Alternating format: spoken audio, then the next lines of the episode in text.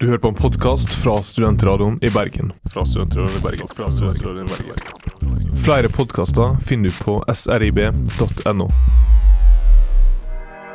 Det humper og skumper i ruta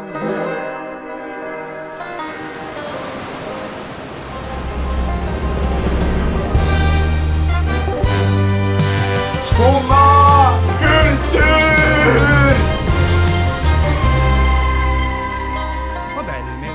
Så vi opp og ned. God eh, mandag formiddag. Du hører på studentradioen i Bergen og kulturprogrammet Skumma kultur. Mitt navn er Emil Perron, og med meg i studio i dag har jeg Runa Falk Langås. Og Runa, hva står på eh, plakaten i dag? I helgen har det jo vært eh, åpning på Litteraturhuset, så da er det klart at Skumma kultur har vært der og tatt seg en titt. Det kunne vi ikke unngå å dekke. Nei, det er sant. Stor eh, begivenhet i Bergen. Og så får vi inn eh, en eh, gjest også. Selveste Thomas Espedal. Selveste Thomas Espedal, bergenske forfatteren. Det blir veldig spennende. Han kommer om noen få strakser. Rett etter ukens låt. The Stroke spiller One Way Trigger her på studentradioen i Bergen.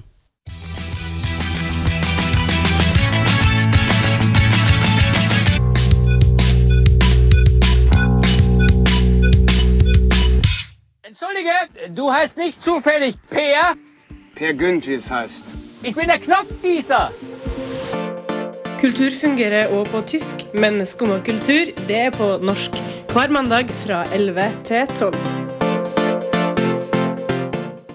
Ja, du hører på studentradioen i Bergen og kulturprogrammet Skumma kultur. Vi har fått en gjest inn i studio. Forfatter Thomas Espedal, velkommen. Takk skal du ha. Og vi er jo en studentradio og studenter også, ikke sant Runa? Så da tenkte vi at vi kunne begynne med et uh, spørsmål som handler om dine studenter. Hvordan var dine år som eh, student? Oi, oi, oi. oi, oi. Ja, langt tilbake. Ja, ja, ja, men det, det, var, det var Ja, nei, men vi, jeg laget um, et på en måte sånn helt alternativt opplegg. Jeg husker jeg fikk um, skrev en kronikk i Studvest om hvordan en kunne bygge opp sine egne studier. Sant? Altså Lære seg å røyke sigaretter og gå rundt i byen og, og lese filosofi. Jeg, jeg, jeg, tok um, filosofi, kunsthistorie og, og sosiologi. Og Knut Fegri, eh, botanikeren, den gang han skrev eh, et svar på det, at han mente det var en god måte å skaffe seg en viss form for dannelse på. Men noen særlig god utdannelse fikk jo jeg ikke.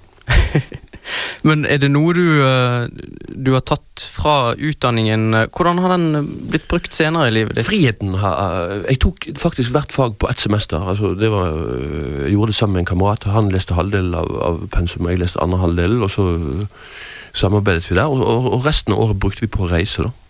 Mm. Sånn at, at studielånet for meg det var øh, en mulighet til å komme meg til Italia og, og, og Tyrkia og, og reise. Og det har jeg på en måte, altså den, den friheten, det var det jeg lærte på universitetet. Ja. Den har jeg på en måte øh, Eller veldig i stor grad hatt med meg hele siden. Alltid. Men begynte, du begynte å reise i veldig ung alder, da? Var det... Begynte, du vet, vi var jo den eh, Interrail, så det var om å gjøre å få det der jævlig studielånet. Og så komme seg et eller annet sted langt vekk. Og så var det da og, og, og, det ene. Og vi klarte, jeg, jeg klarte faktisk å ta hvert fag på ett semester. Prøvde å ta, Det er sånne, imponerende. prøvde å ta sånne fag som var forholdsvis uh, forutsigbare. Sant? Helt til vi kom til litteratur, og vi hadde Ellef Eide, og han sa i Don Quijote i kapittel 9 så finner eh, Don Quijote et, eh, et manuskript. Hva er det egentlig da som står på Vi har ingen av oss har rukket å lese Don Quijote. Det er en ganske lang bok. ja, ja, det, men det visste Eide. Sant? Han hadde sett at vi ikke var på forelesningene. Så der, der øh, Vi strøk ikke, men det gikk ikke så bra. Men er det, er det en reise du gjorde når du var ung som har satt preg på livet ditt eh, videre, kanskje? Og ja, veldig. Den, den, den første reisen jeg gjorde Vi forfalsket passene våre og, og, og kom oss av gårde på en internett da vi var 16 år. Og da var jeg vel en sånn uh, helt ubetydelig blokkgutt. Uh, men, men den reisen forandret livet mitt. Altså, da så jeg uh, fattigdom, folk som levde på gatene, folk som var, reiste, frihet. Det, det forandret faktisk livet mitt, den første reisen. der. Jeg reagerte på du forfalsket passene. Jeg må nesten spørre om igjen. Hvordan hadde det seg? Ja, du vet, Før, før var jo passene sånn at, at det var skrevet med blekk når du var født. og sånt. Så, Ja. Så øh, Du ble plutselig litt eldre. jeg, jeg Ja da, jeg ble eldre. Og jeg, jeg, jeg, jeg, senere så forfalsket jeg det sånn at jeg ble yngre, faktisk. Så, så jeg var god på akkurat det, da. Ja, jeg var god på det. Jeg var god på forfalsket pass. Nå er ikke det så lett lenger. Men kunne man ikke reise hvis man var 16? Ja, jeg lurer på om, om, om jeg var 15 og, og, og ble 16 på det Ja, men det var aldersgrense på interrail. Det var aldersgrense på 16, øh, så jeg, jeg var vel 15, kanskje. Men eh, altså, du Når kom denne viljen til, til å skrive? Det er noe som har fulgt deg? Altså, det virker som om du har hatt veldig sånn trang til å utforske det som ligger eh, utenfor eh, det eh, aller kjente og det aller nærmeste. Du er interessert i reiser osv. Når kom eh, interessen for å skrive? Men det, la oss si det, denne viljen til frihet, den, den tror jeg er grunnleggende for alle. Sånn At, at vi kan jo alle et eller annet. Uh, alle kan faktisk et eller annet. Det er bare om å gjøre å finne ut hva du kan. Og for meg var det i begynnelsen ikke så akkurat så viktig med å skrive, det var viktig å være fri. Sånn at, at jeg måtte, men, men ok, det var å skrive på en måte. Jeg, ikke kunne jeg spille gitar, og ikke kunne jeg synge, og ikke var interessert i det heller. Så jeg måtte bare finne det som, som, som kunne gi meg den friheten. Jeg ville, ville ikke ha en jobb, jeg, jeg ville drive for meg sjøl. Jeg tåler ikke folk som forteller meg hva jeg skal gjøre. og Jeg tåler heller ikke å fortelle andre hva altså, Jeg kan verken være en sjef eller, eller, eller, eller underordnet. Så, så på en måte det rommet som jeg, som jeg likte veldig godt, altså det der å være alene, Mm. eh, isolert over lengre perioder og, og, og lage en slags verden inni der, det, det fant jeg ut at det er jeg nødt til å, å satse alt på. Til å, å, å gjøre det til et yrke. Og det er vanskelig. sant? Det tok, det tok vel en 10-15 år Ja. med, med fattigdom og, og, og forsøk, men, men jeg har ikke sluppet det. Så det hadde med den friheten å gjøre, og så klarte jeg å, å, å få det gjennomført. Du må jo ha hatt en utrolig stahet, eller tro på deg sjøl? jeg, tror, jeg tror faktisk det, det eh, er det fremste. Sant? At, eh, hvis, du driver, hvis du driver og skriver i 15 år, så blir du god til slutt. Ja. Men, men mange mangler akkurat den her eh, Ja, det, det krever, det krever Perseveransen som trengs. Ja, det krever en stahet og litt mot, og sant, for at du tjener ikke penger. og... og ja, ja, Du ser alle de idiotene du gikk på, på skolen med, de er jo søkkrike. ubehagelig å være fattig i Norge når det er så rikt. sant? Ja. For alle, alle idioter øh, opp og ned, de, de har så jævlig mye penger. Det blir veldig bil, kontrasterende. To hunder, og ofte to koner, og, og, og hytter har de og alt mulig. Så de som gikk i klasse med det, sånn det var faktisk mange år det var litt sånn tungt å se hvor, hvor bra det gikk med de. Men venner og bekjente du hadde fra universitetet, hvordan har, de, hvordan har det gått med de? Har de jo blitt ø, forfattere? Eller har de tatt Nei, en nei, min beste venn er filosof, og jeg tror han har sin frihet. øh, Jeg tror, jeg håper det. Og, øh, ja, jeg håper det. Mm. Universitetet pleier jeg å si det må være en av de beste arbeidsplassene en kan, en kan få. En kan jo gå her oppe og, og virkelig både få lest, og, og, og det er jo en evig øh, utdannelse på mange måter. Jeg hadde Danbolt uh, og han sa det at, at du blir i grunnen aldri ferdig med din, din utdannelse. Du må, du må se Mm. kunst, du må høre samtidsmusikk, du må reise, du må, du må og, det- har jeg fulgt, den måten å tenke på. Du nevnte at det tok deg lang tid å få det ø, til som forfatter, i hvert fall slik du ville det. Skriving, er det slik en muskel? Det en, finnes det en skrivemuskel? Nei, nei, nei. nei. Lærer man opp en muskel til å Nei, nei, nei, nei. Du snakker med en gammel bokser, så jeg liker ikke den metaforen med muskler. Det, det, jeg tror når, når en skriver, en skal nok uh, ha en veldig spesiell kropp.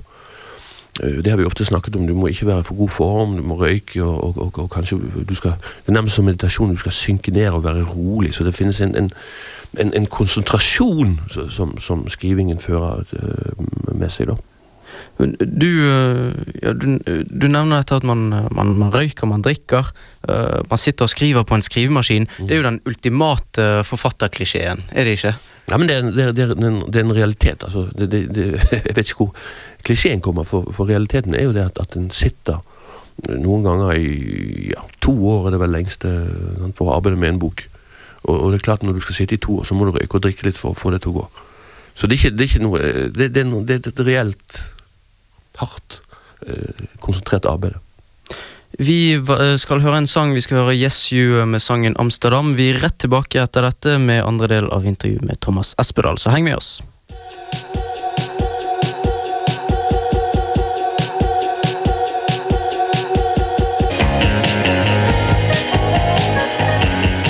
Yes You eh, med låten eh, Amsterdam her på studentradioen eh, i Bergen. Kulturprogrammet Skumma kultur lytter du til. Vi sitter her med forfatter Thomas Espedal. Vi snakket litt under sangen her om, om forfattere og ordninger og slik i Norge at uh, selv i Norge så er det vanskelig for forfattere å, å skrive og få til det de, det de virkelig har lyst pga. økonomiske situasjoner osv. Hvordan i all verden er det for folk i, i andre land? Og da har jeg egentlig lyst til å spørre deg, hvordan var det for deg helt i begynnelsen når du, når du ikke solgte så mange bøker som du gjør i dag? Ikke bare i begynnelsen, det, helt konkret så har jeg vært fattig i, i nesten 20 år. Da mener jeg, på et tidspunkt så, så var jeg faktisk fa under fattigdomsgrensen. Altså, og sånn er jo det bare. Altså, jeg, jeg visste det at, at, at eh, hvis jeg skulle tjene penger, så burde jeg finne meg en annen jobb. Altså Det visste jeg. Altså, det, var, det var dette med den friheten også det at jeg hadde fått eh, blod på tannen i og med at jeg, jeg flyttet til København. Tok med meg studielån til København. Uh, satt uh, i et halvt år søvnløs i København, ak akkurat som det som du sa med klisjeer. Satt faktisk uh, dag og natt og skrev da en, en roman, for nå har jeg bestemt meg at nå, nå, nå skal jeg prøve. Sånn, sette av seks måneder. Og så klarte jeg det. Når en da har klart det én gang, og, og fått blod på tann, så har jeg lyst til å, å, å, prøve flere ganger. Og så blir det det- dette her at, at, at ok, det er skrive, koste hva det koste vil. Mm. Og denne andre boken. Hvordan var det å skrive? det var ikke vanskelig for meg å skrive noen andre bok. Det har aldri vært vanskelig for meg å skrive noen bøker. For jeg har hatt den, den grunnleggende viljen at, at, at jeg vil skrive bøker. Jeg, jeg, jeg kan skrive bøker. Jeg er blitt bedre og bedre på å skrive, og, og, og det er jobben min, og det er yrket, og jeg er stolt av at, at det er et yrke. Jeg er fra en arbeiderfamilie, og jeg, har opp gjennom hele mitt liv måttet bevise at jeg kan arbeide, og det har jeg nå bevist. Mm. Men hvordan er din arbeidsmetode? Jeg arbeider akkurat, jeg tror jeg arbeider mer enn hele den jævlige arbeiderfamilien min. Det, det, var, det ble sånn, sånn Nei, de, det er litt flåsete å si, fordi at min, min bestefar var industriarbeider og slet seg ut, og min, min far Mm. holdt på å gjøre det samme. Men, men, eh, men eh, jeg, har på en måte, jeg er stolt over at jeg klarte å skape et arbeid, og jeg har faste arbeidsrutiner. og Jeg arbeider faktisk. Mm. Men eh, forfatterskap det er et hardt arbeid hver dag. Ja, Iallfall hvis du skal leve av det. sånn. Ja. Ok, det er mange som har andre yrker, og det funker for noen. Eh, men, men hvis du skal leve av dette her greiene her, så er det klart at det, det, jeg, jeg kommer ut med en bok annethvert år, og, og, og det er min inntekt. Snakker også litt om at du var stereotypen på en forfatter med eh, alkohol og skrivemaskin. Så lurte litt på det med skrivemaskin. Hvorfor du velger å skrive på skrivemaskin? Ja, det er jo et alvorlig spørsmål for meg, fordi at øh, jeg fikk den skrivemaskinen Min mor var sekretær. Og min far var jo jobbet opp for fabrikk, så jeg pleier å spøke med at hvis du kobler en sekretær og en fabrikkarbeider, så får du en forfatter. Sånn, Men når jeg hørte lyden av denne her eh, Jeg hadde jobbet på, på fabrikken til min far og vasket maskiner i noen somre, og, og, og faktisk den her industrielle følelsen av å trykke ord på, på arket. Eh, Det var det jeg opplevde med skrivemaskinen. Så kjøpte jeg meg en data etter jeg hadde skrevet tre bøker.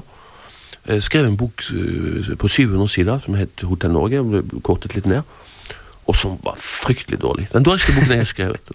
Og det Problemet med data er at eh, ofte en skriver bare en tekst én gang. sant? Eh, Det blir veldig sånn tynne, lette tekster. Men skrivemaskinen det han har tvunget meg til å skrive øh, øh, hver, hver side flere ganger. Og, og, så bøkene mine har blitt tynnere og tynnere og bedre og bedre. For du, du, gidder ikke å skrive en dårlig setning tre-fire ganger. Så selv de som skriver på data, burde egentlig skrive manusen sin flere ganger. Så det at du ikke har mulighet til å redigere teksten i like stor grad som man kan på en datamaskin, gjør at du tenker deg mer om? Ja, Det blir en organisk måte å skrive på. Jeg må skrive alt om igjen, og så skjer det noe nytt hver gang jeg skriver. Og så er det dette at jeg liker altså jeg liker den lyden av, av skrivemaskinen, og jeg, jeg liker det at jeg kan røyke. Og så liker jeg ikke Jeg liker ikke, jeg liker Jeg hater å sitte og se inn i en skjerm. Jeg, har- jeg har ikke TV, jeg har ikke drevet på med det der, og jeg, jeg, jeg sitter heller ikke og ser på noe data. øh, Så jeg hater å sitte og se inn i en skjerm. Hvordan Hele ser du det verden- Hvis du ser noe på, på, på, på Jeg sitter og ser ut vinduet. Det, er jo det. De gangene jeg har besøkt folk som sitter og skriver på data, de sitter under trapper og, og på loft og nede i kjeller og jordbord. For de kan sitte hvor som helst. Akkurat som en sånn guttedrøm. Sant? At du liksom bare forsvinner inn i, sånn, i et sånt spill eller et eller annet sånt. Men, men, men faktisk øh, En del av skrivingen er det å se. og Jeg har alltid et vindu, og jeg kan sitte og røyke de her, øh, sigarettene. Og, og, og veldig mye av det som skjer utenfor vinduet mitt, går inn i teksten og i de bøkene jeg har skrevet. Men det må være veldig frustrerende også, tenker jeg, å, å skrive om igjen hele tiden. Man Ja, vet jo aldri når man blir ferdig. Nei, nei, men det er, det, er den som, som, som sagt eh, Bøkene mine blir tynnere og tynnere, og, og, mens de fleste bøker nå blir jo tjukkere og tjukkere sånn, på grunn av data. Det er fordi at de har blitt skrevet så mange ganger, og da får du en organisk uh, arbeidsprosess. og Det, det er tungvint, men, men, men, men, uh, men for meg er det en kvalitetssikring. Eh, nå for øyeblikket så har du, eller de siste årene, så har du kommet ut med bøker eh, som eh, romaner som er selvbiografiske. Hva var tanken bak dette prosjektet? Oi, ja, det er også litt av et stort spørsmål. Men fordi at vi var en gjeng øh, på 90-tallet som kans- kanskje var trøtt av fiksjon. Sant? Trøtt av å lese om en eller annen Hans Hauge som våknet om morgenen og barberte seg. Jeg, jeg, jeg trodde ikke på det lenger. Jeg hadde lest for mye, tror jeg. Ja. Lest for mye gode romaner. Sant? Balzac og hele den klassiske litteraturen. Så kom det en masse romaner som var helt uinteressante for meg. Og da var det liksom spørsmålet ja, hva skal en gjøre? Hver generasjon må på en måte ta utfordringen roman på nytt. Hva kan vi gjøre på 60-tallet, det politiske? videre på 70-tallet, 80-tallet fikk du en eksperimentell litteratur. På 90-tallet kom det en veldig sterk generasjon fra skrivekunstakademiene. Sant? Og det var en utfordring for hva, kan, hva kan du gjøre i ditt tiår som ikke har vært gjort før på samme måte? Ja. Og det selvbiografiske var en mulighet. Men eh, er det liksom Er dette slutten på den fiksjonelle romanen? Er det ikke plass til fiksjon lenger? Jo, nå, nå har, nå, nå har sant, Knausgård sagt at han skal gi seg med det, og jeg kommer til å gi meg med det også. Det er mulig at også det selvbiografiske på en måte har hatt sin tid. da. Ja. Altså At vi har gjort, vist at Jeg er ikke helt ferdig ennå. For det er fremdeles noen, noen øhm, ting som jeg har lyst til å vise går an. øh, Skape en form for ny realisme. Det, det har vært viktig for meg å tenke på det som en ny realisme, hvor gatene er beskrevet øh, nøyaktig, og de folkene som bor her i byen eksempel, på en viss tid. At det blir beskrevet. En tid blir beskrevet. Mm. Så jeg er ikke helt ferdig med det ennå. Men, men fiksjonen kommer jo alltid til å leve videre. Den, det er jo fiksjonen vi driver med òg. Men mener du at det selvbiografiske er typisk for 90-tallet, eller liksom vår tid? Er det ikke alltid noe selvbiografisk i litteratur? Riktig. Og det har jo jeg prøvd å lete opp. øh, sant? Altså, jeg har vist at øh, jeg har lest øh, Rousseaus bekjennelser, og jeg har lest Augustin, og øh, jeg har lest Abelard og brevene. Sant? Altså, helt fra middelalderen. Har- Så det er klart. Så, så, så det at, at liksom Men den utfordringen innenfor romanen som jeg føler at jeg har vært med på å, å ta Jeg har påført romanen brev og, og, og dagbøksnotater og, og notater i det hele tatt, og skisser. Og, så jeg, jeg, jeg har jeg forsøkt å utvide romanen ved å påføre den andre essay, an- andre sjanger. Samtidig så har jeg hatt en, en, en, en fortelling i bunn, og så har jeg øh, gjort den fortellingen selvbiografisk. Så, så jeg tror vi har vært noen som har gjort noe som ikke har vært gjort før, og det er ikke helt ferdig ennå. Men det er også interessant dette her, eh, for jeg vet du legger veldig vekt på, på språk. Eh, Men så har man disse her som setter handling opp mot språk, eller spør uh, kan det være handling uh, uten språk, kan det være handling og språk. Har du liksom lagt vekk denne fiksjonelle handlingen for å sette fokus på språket nettopp? Nei, jeg, jeg har alltid en handling i bunnen. Og jeg, jeg mener jo selv de beste bøkene har, har en handling og en fortelling. For fortellingen er grunnleggende helt fra Homer og helt, ja, Bibelen. Alt, alt, det må være en grunnleggende fortelling, syns jeg. Men den behøver ikke alltid være så jævlig godt fortalt. Altfor mange, alt for mange forfattere er for flinke. Sant? Altså, sånn, og du var på Skrivekunstakademiet når jeg holdt foredraget mitt. Sant? At, at, at du kan skrive jævlig godt, men hvis, hvis, ikke du tror på Vi sitter og ser på halvbroren. Hvis ikke du tror på, på handlingen? Altså, så har du et problem. Mm. Og da syns jeg de beste tingene det er når språket er sterkt. Altså Hvis forfatterne tar språket på alvor, så kommer fortellingene også. Er det noe du har lyst til å, fortsette? Altså, jeg bare lurer på hvor, eh, hvor går veien videre etter dette selvbiografiske? Har du noen tanker om akkurat det? Ikke bare tanker, jeg sitter og jobber. Det, det, det, jeg sitter nå og jobber frem et prosjekt som, som kommer til å nesten bli dokumentarisk, i og med at jeg um, Ja, dette har jeg egentlig ikke sagt før, men la oss si jeg skal lage en bok om den tiden vi lever i, og de menneskene som bor og, og, og som lever rundt meg. Og, og den vil få nesten et slags dokumentarisk preg, da, med, med gatenavn, navn og episoder. Men alt skal være Eller ha skjedd. Jeg skal ikke dikte. Så, så, så hvis, hvis jeg klarer å skrive en, en, en, en, en jævlig eh, sterk bok eh, uten diktning, så, så er jeg fornøyd. Men hvordan tror du romanens fremtid ser ut? Den har jo vært, det er jo noen som sier at det snart er slutt for romanen. Eller kommer han til å leve videre, tror du? Å ja, det akkurat det. Sånn er jo det hele tiden. Sant? Mm. Den nye romanen, romanens død. Nei, nei, nei, det, det, det kommer ikke til å, til å skje. Men akkurat hvordan den kommer til å se ut, det vet jo ikke jeg. Men jeg har vært, lyst til å være med, jeg, jeg er opptatt av den norske romanen, og, og jeg har lyst til å være med og påvirke hvordan den kan se ut. Altså bokens muligheter. Det er det jeg har snakket om de siste årene. at, at, at øh, Kanskje en ikke skal tenke så mye på hva er en novelle og hva er en dikt, men hva, hva muligheter gir det å skrive en bok? Så, så mine bøker kommer til å inneholde både dikt, essay, noveller, og, og, og samtidig som, som det skal være en fortellerstruktur som, som også gjør at det blir romaner.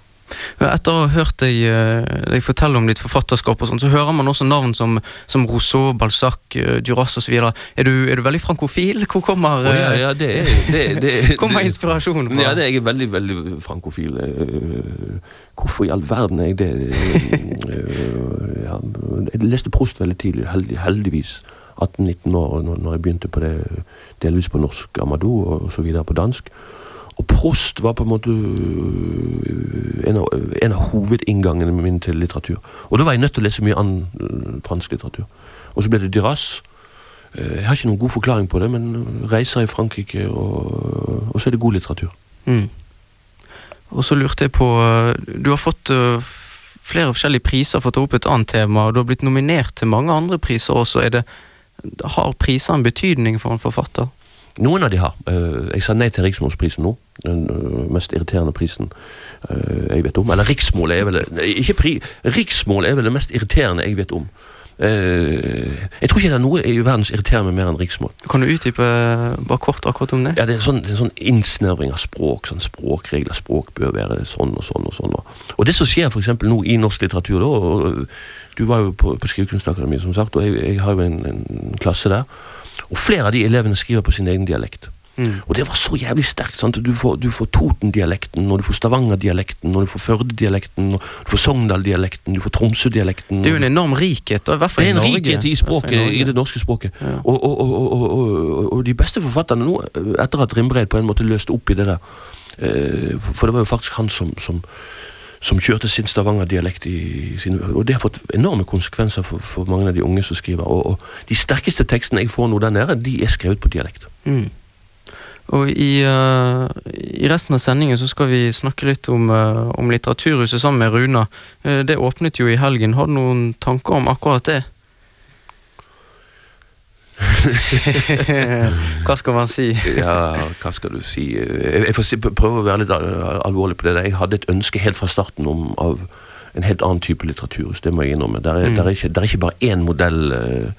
Uh, la oss si den Berlin-Oslo-modellen ikke så interessant for meg. Mm.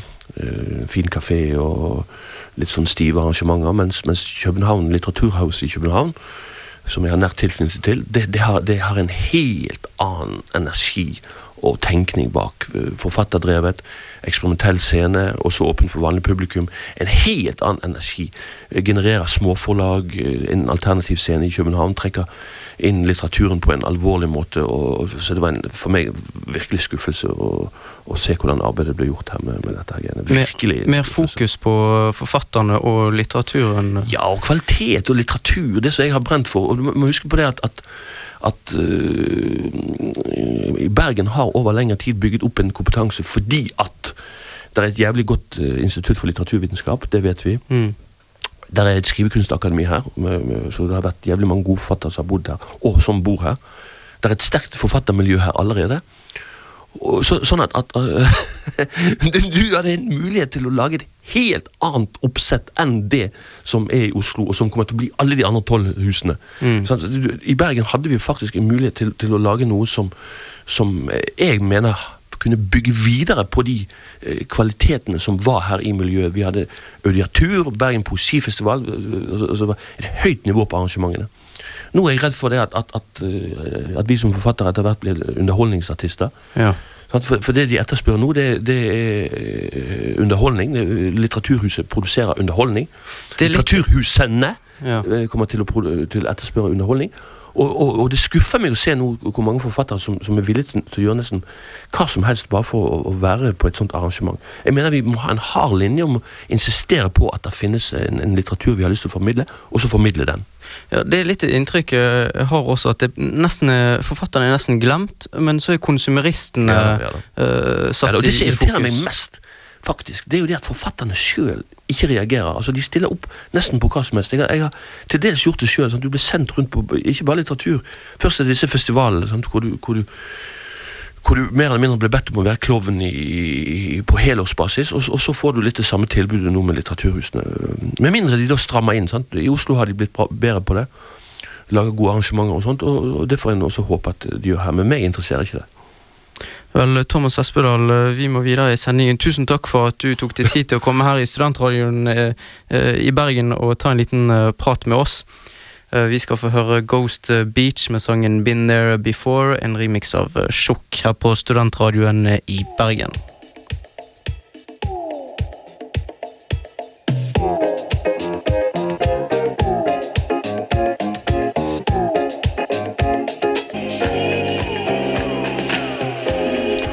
Du hører på eh, Studentradioen i Bergen og kulturprogrammet Skumma kultur. Du hørte intervju med Thomas eh, Espedal. Vi avsluttet eh, med et lite spørsmål om Litteraturhuset. Vi skal fortsette å snakke om Litteraturhuset sammen med Runa.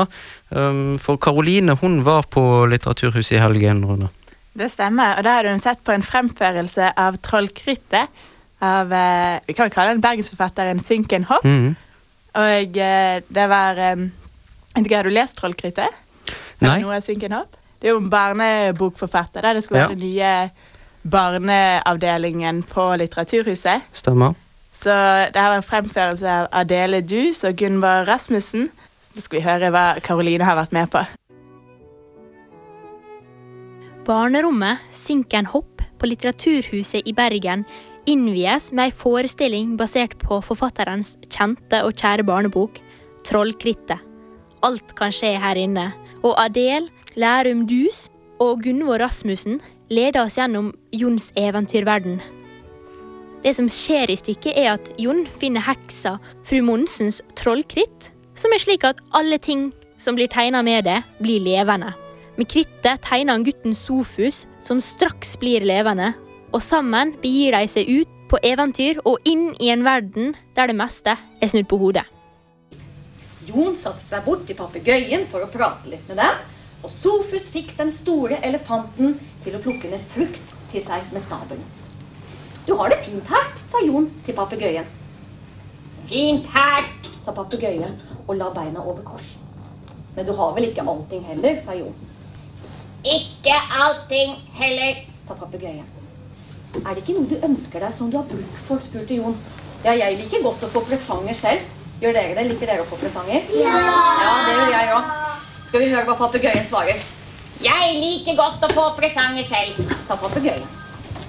Du er en grei gutt, sa Jon. Du er en grei gutt, sa papegøyen. Men hva vil du ha, spurte Jon. En, eh, et elektrisk tog, eller en skrivemaskin, eller kanskje en telefon? Dette er nonsenslitteratur, som er en sjanger som bruker logiske og ulogiske element til å sprenge språket sine grenser, og det er ofte morsomt fordi det ikke gir mening. Denne måten å fremføre fortellinger på er også interaktiv, og barna får være med på å bestemme hvordan ting skal se ut. De får utforske skumle huler og hjelpe til med å lage en bagluff. Om du ikke vet hva en bagluff er, så kan jeg dessverre ikke hjelpe deg stort. Kanskje du får låne boka Trollkrittet på biblioteket og se om du finner det ut. Så får du òg en liten titt inn i denne magiske verden. For det er en fin fantasiverden, uansett om man er voksen eller liten eller midt imellom. Skal jeg fortelle hva papegøyen ble hetende? Vet dere hva den sa? Den sa Hva heter den sterkeste gutten i din klasse? spurte papegøyen. Han heter Leif. Da vil jeg hete Leif, sa papegøyen. Og så tegnet Jon en lang snor til telefonen. Og der hvor snoren sluttet, så tegnet han et lite hus. Og på huset skrev han 'telefonsentral'. Og så ringte han opp i telefonen, og så sa det 'ja' fra sentralen. Å innvie rommet på denne måten her var veldig fin, og jeg tror det var noe som både store og små fikk glede av. Så om du er interessert i å se rommet med egne øyne og ta med deg veslemannen eller Lillepia, så har Litteraturhuset noe som heter Lille Lørdag. Det er tilbud til barn, og da er det enkel servering av grøt, har jeg hørt, og høytlesninger.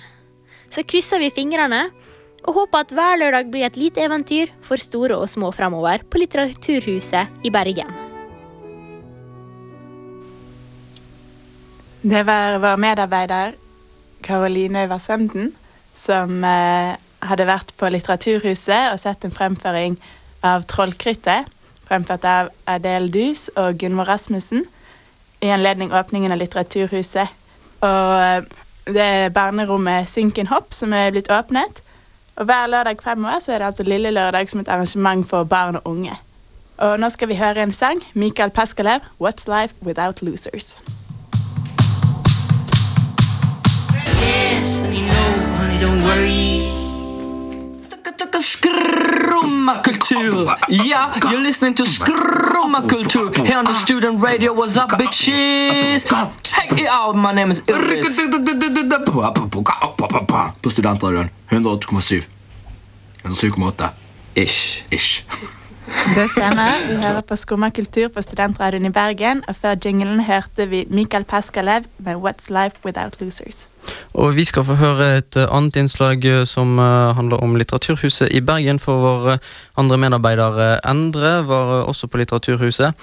På fredag så var det åpningsdagen for dette nye litteraturhuset i vår fine by mellom Syfjell. Og forfatteren Mette Karlsvik, som vant Tarjei Vesaas sin debutantpris i 2005 for boken 'Vindauga i matsalen vender mot fjorden', en veldig fin tittel, var der for å lese opp utdrag fra det nye romanprosjektet sitt. Eh, og hva kan vel være bedre enn å feire et nytt litteraturhus med en ny bok, eh, spør eh, Endre. På torsdag hendte det endelig. Litteraturhuset Bergen åpna, og bokinteresserte, forfattere, nysgjerrige og helt sikkert en eller to fylliker surra seg inn dørene i de nærmest flunkende nyoppussa lokalene. Det er bare synd at staden skal være så fryktelig vanskelig å finne. Det finnes nemlig ingen skilt på Austre Skogstræte 5-7 som tilsier at ja, her er det nye litteraturhuset vårt. Og de lokalkjente er heller ikke mye hjelp, for to av dem sender meg faktisk rett ut av den rette gata og to kvartal vekk. Men til slutt kom jeg meg fram til rette staden. Jeg gikk inn den nye døra, og jeg kom inn i en ny bokhandel full av nye bøker. To kjekke, nye smil hilste meg. Og jeg spurte dem hvor det nye rommet Alver lå. De sendte meg opp de nye troppene, der jeg så nymålte vegger og nybona gulv, og til høyre lå Alver der den relativt nye forfatteren Mette Karlsvik skulle lese opp nye utdrag fra sitt nye romanprosjekt.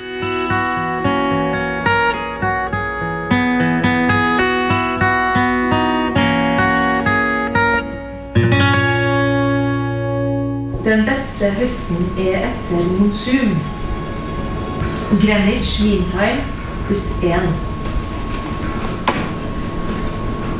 Øyene Presten er rolig. Iris, ei makrellsky rundt pupillen. Pusten vises i pupillen. Når presten puster inn, smalner pupillen. Boka handler om piloter og bønder, og går for seg på gården og i flyførersetet. To sfærer og to hovedpersoner, som hun sier sjøl i innledninga. Og gjennom utdraga hennes får vi høre hva som hender oppe i lufta over Midt-Asia og i et dalføre mellom Nepal og India. Uroa bretter sammen og legger i en konvolutt med ferdigtrykte bokstaver. Det står 'bare'. Åpner bare ved død. Konvolutten min blir satt sammen med andre konvolutter på ei liste. Jeg teller konvolutter og kommer til 20, eller 21. Det er vanskelig å få grep på jeg-stemmene i begynnelsen.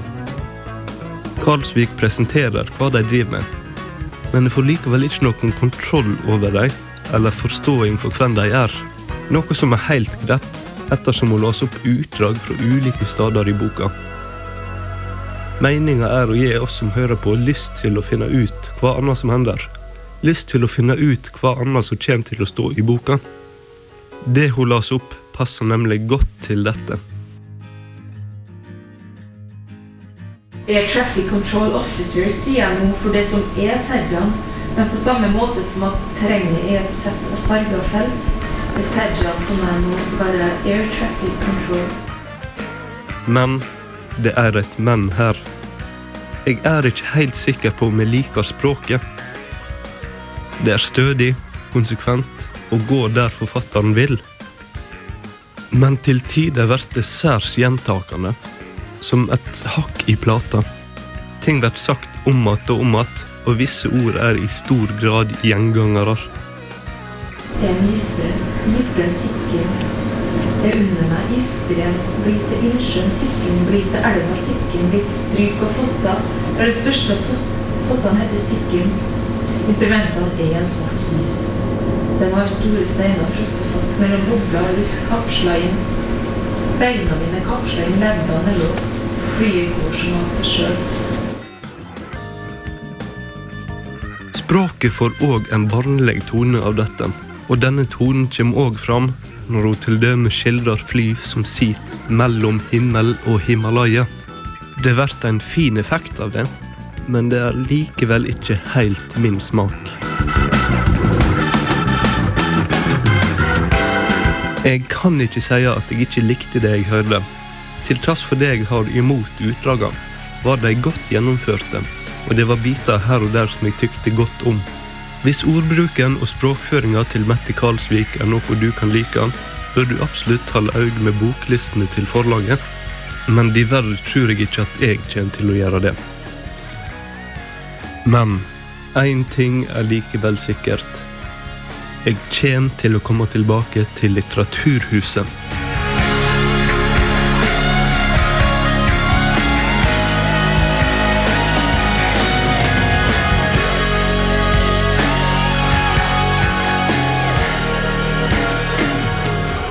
Det var eh, Endre Tveit eh, sitt eh, innslag fra Litteraturhuset, og som handlet om Mette Karlsvik. Forfatter å holde øye med i tiden framover. Det skal ikke være lett å finne fram til Litteraturhuset, virket det som. Det var bra at Endre fant fram til slutt. Det ligger altså i, i Vågsbunn, Østre Skogstredet, for de som ønsker å ta seg en tur.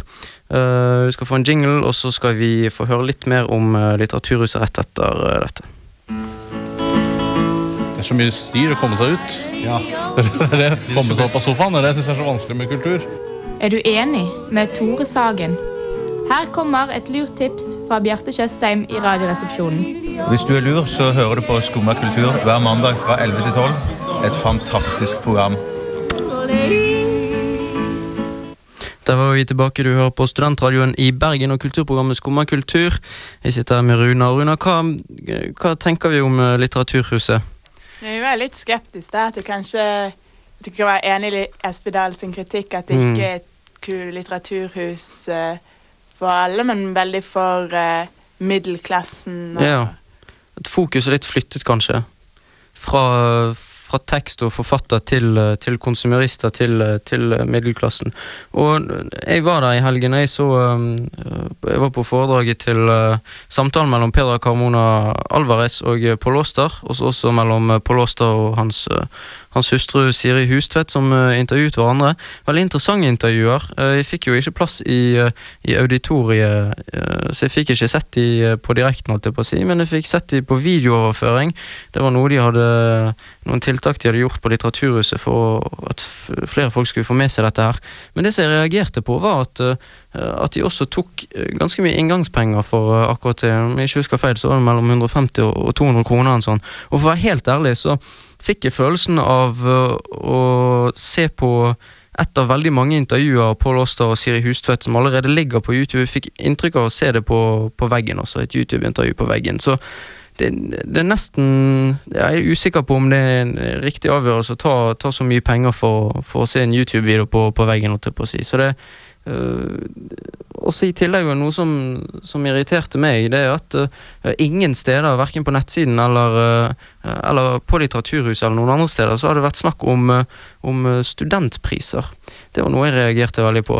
Vi er jo studenter, og, og veldig mange andre steder i Bergen, veldig mange kulturtilbud har studentpriser for studenter, som eh, alle vet eh, ikke har den enkleste økonomien å, å holde styr på. Og det setter studentene veldig stor pris på. og Studentene utgjør en veldig stor del av denne byen. Så det at det ikke var noen studentpriser, og nesten alle, eh, nesten alle foredrag og, sånn, og, og ting som skjer nede på Litteraturhuset, det, det, det må man betale for. Så det reagerte jeg litt på. Hva syns du om det, Runa? Jeg er enig hvis de har lyst til å, å tiltrekke seg studenter. Det skulle man jo tro at et litteraturhus her. Ja. Så burde de også legge til rette for det. Ja, for jeg tenker at litteraturhus skal jo Det skal jo være åpent for, eh, for studenter, og hvis ikke studenter kan komme der, og, og hvis det er for dyrt for eh, forfattere, for forfattere flest, de, de er jo ikke rike, som vi hørte Thomas Espedal sa, sa i sted, så, så hvem er det som kommer, kommer til Litteraturhuset da? Vi er, ja, de har fått en del kritikk for det at det kanskje kan være kulturhuset mest for de fjonge. Eller Mm. litteraturhuset mest for fjonge. Og jeg la oss si det at eh, Litteraturhuset i Oslo er det eneste stedet jeg føler at jeg må pynte meg for å gå, selv om jeg bare skal på en debatt for å gå Ja. gjennom den restauranten. Mm. Så føler jeg okay, da må jeg se litt sånn fin ut.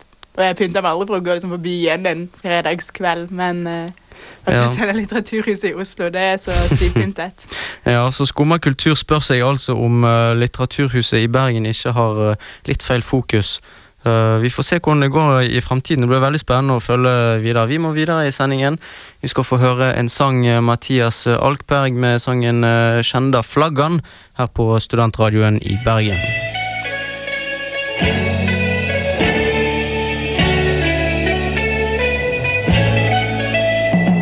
Jeg skriver kuken på svenska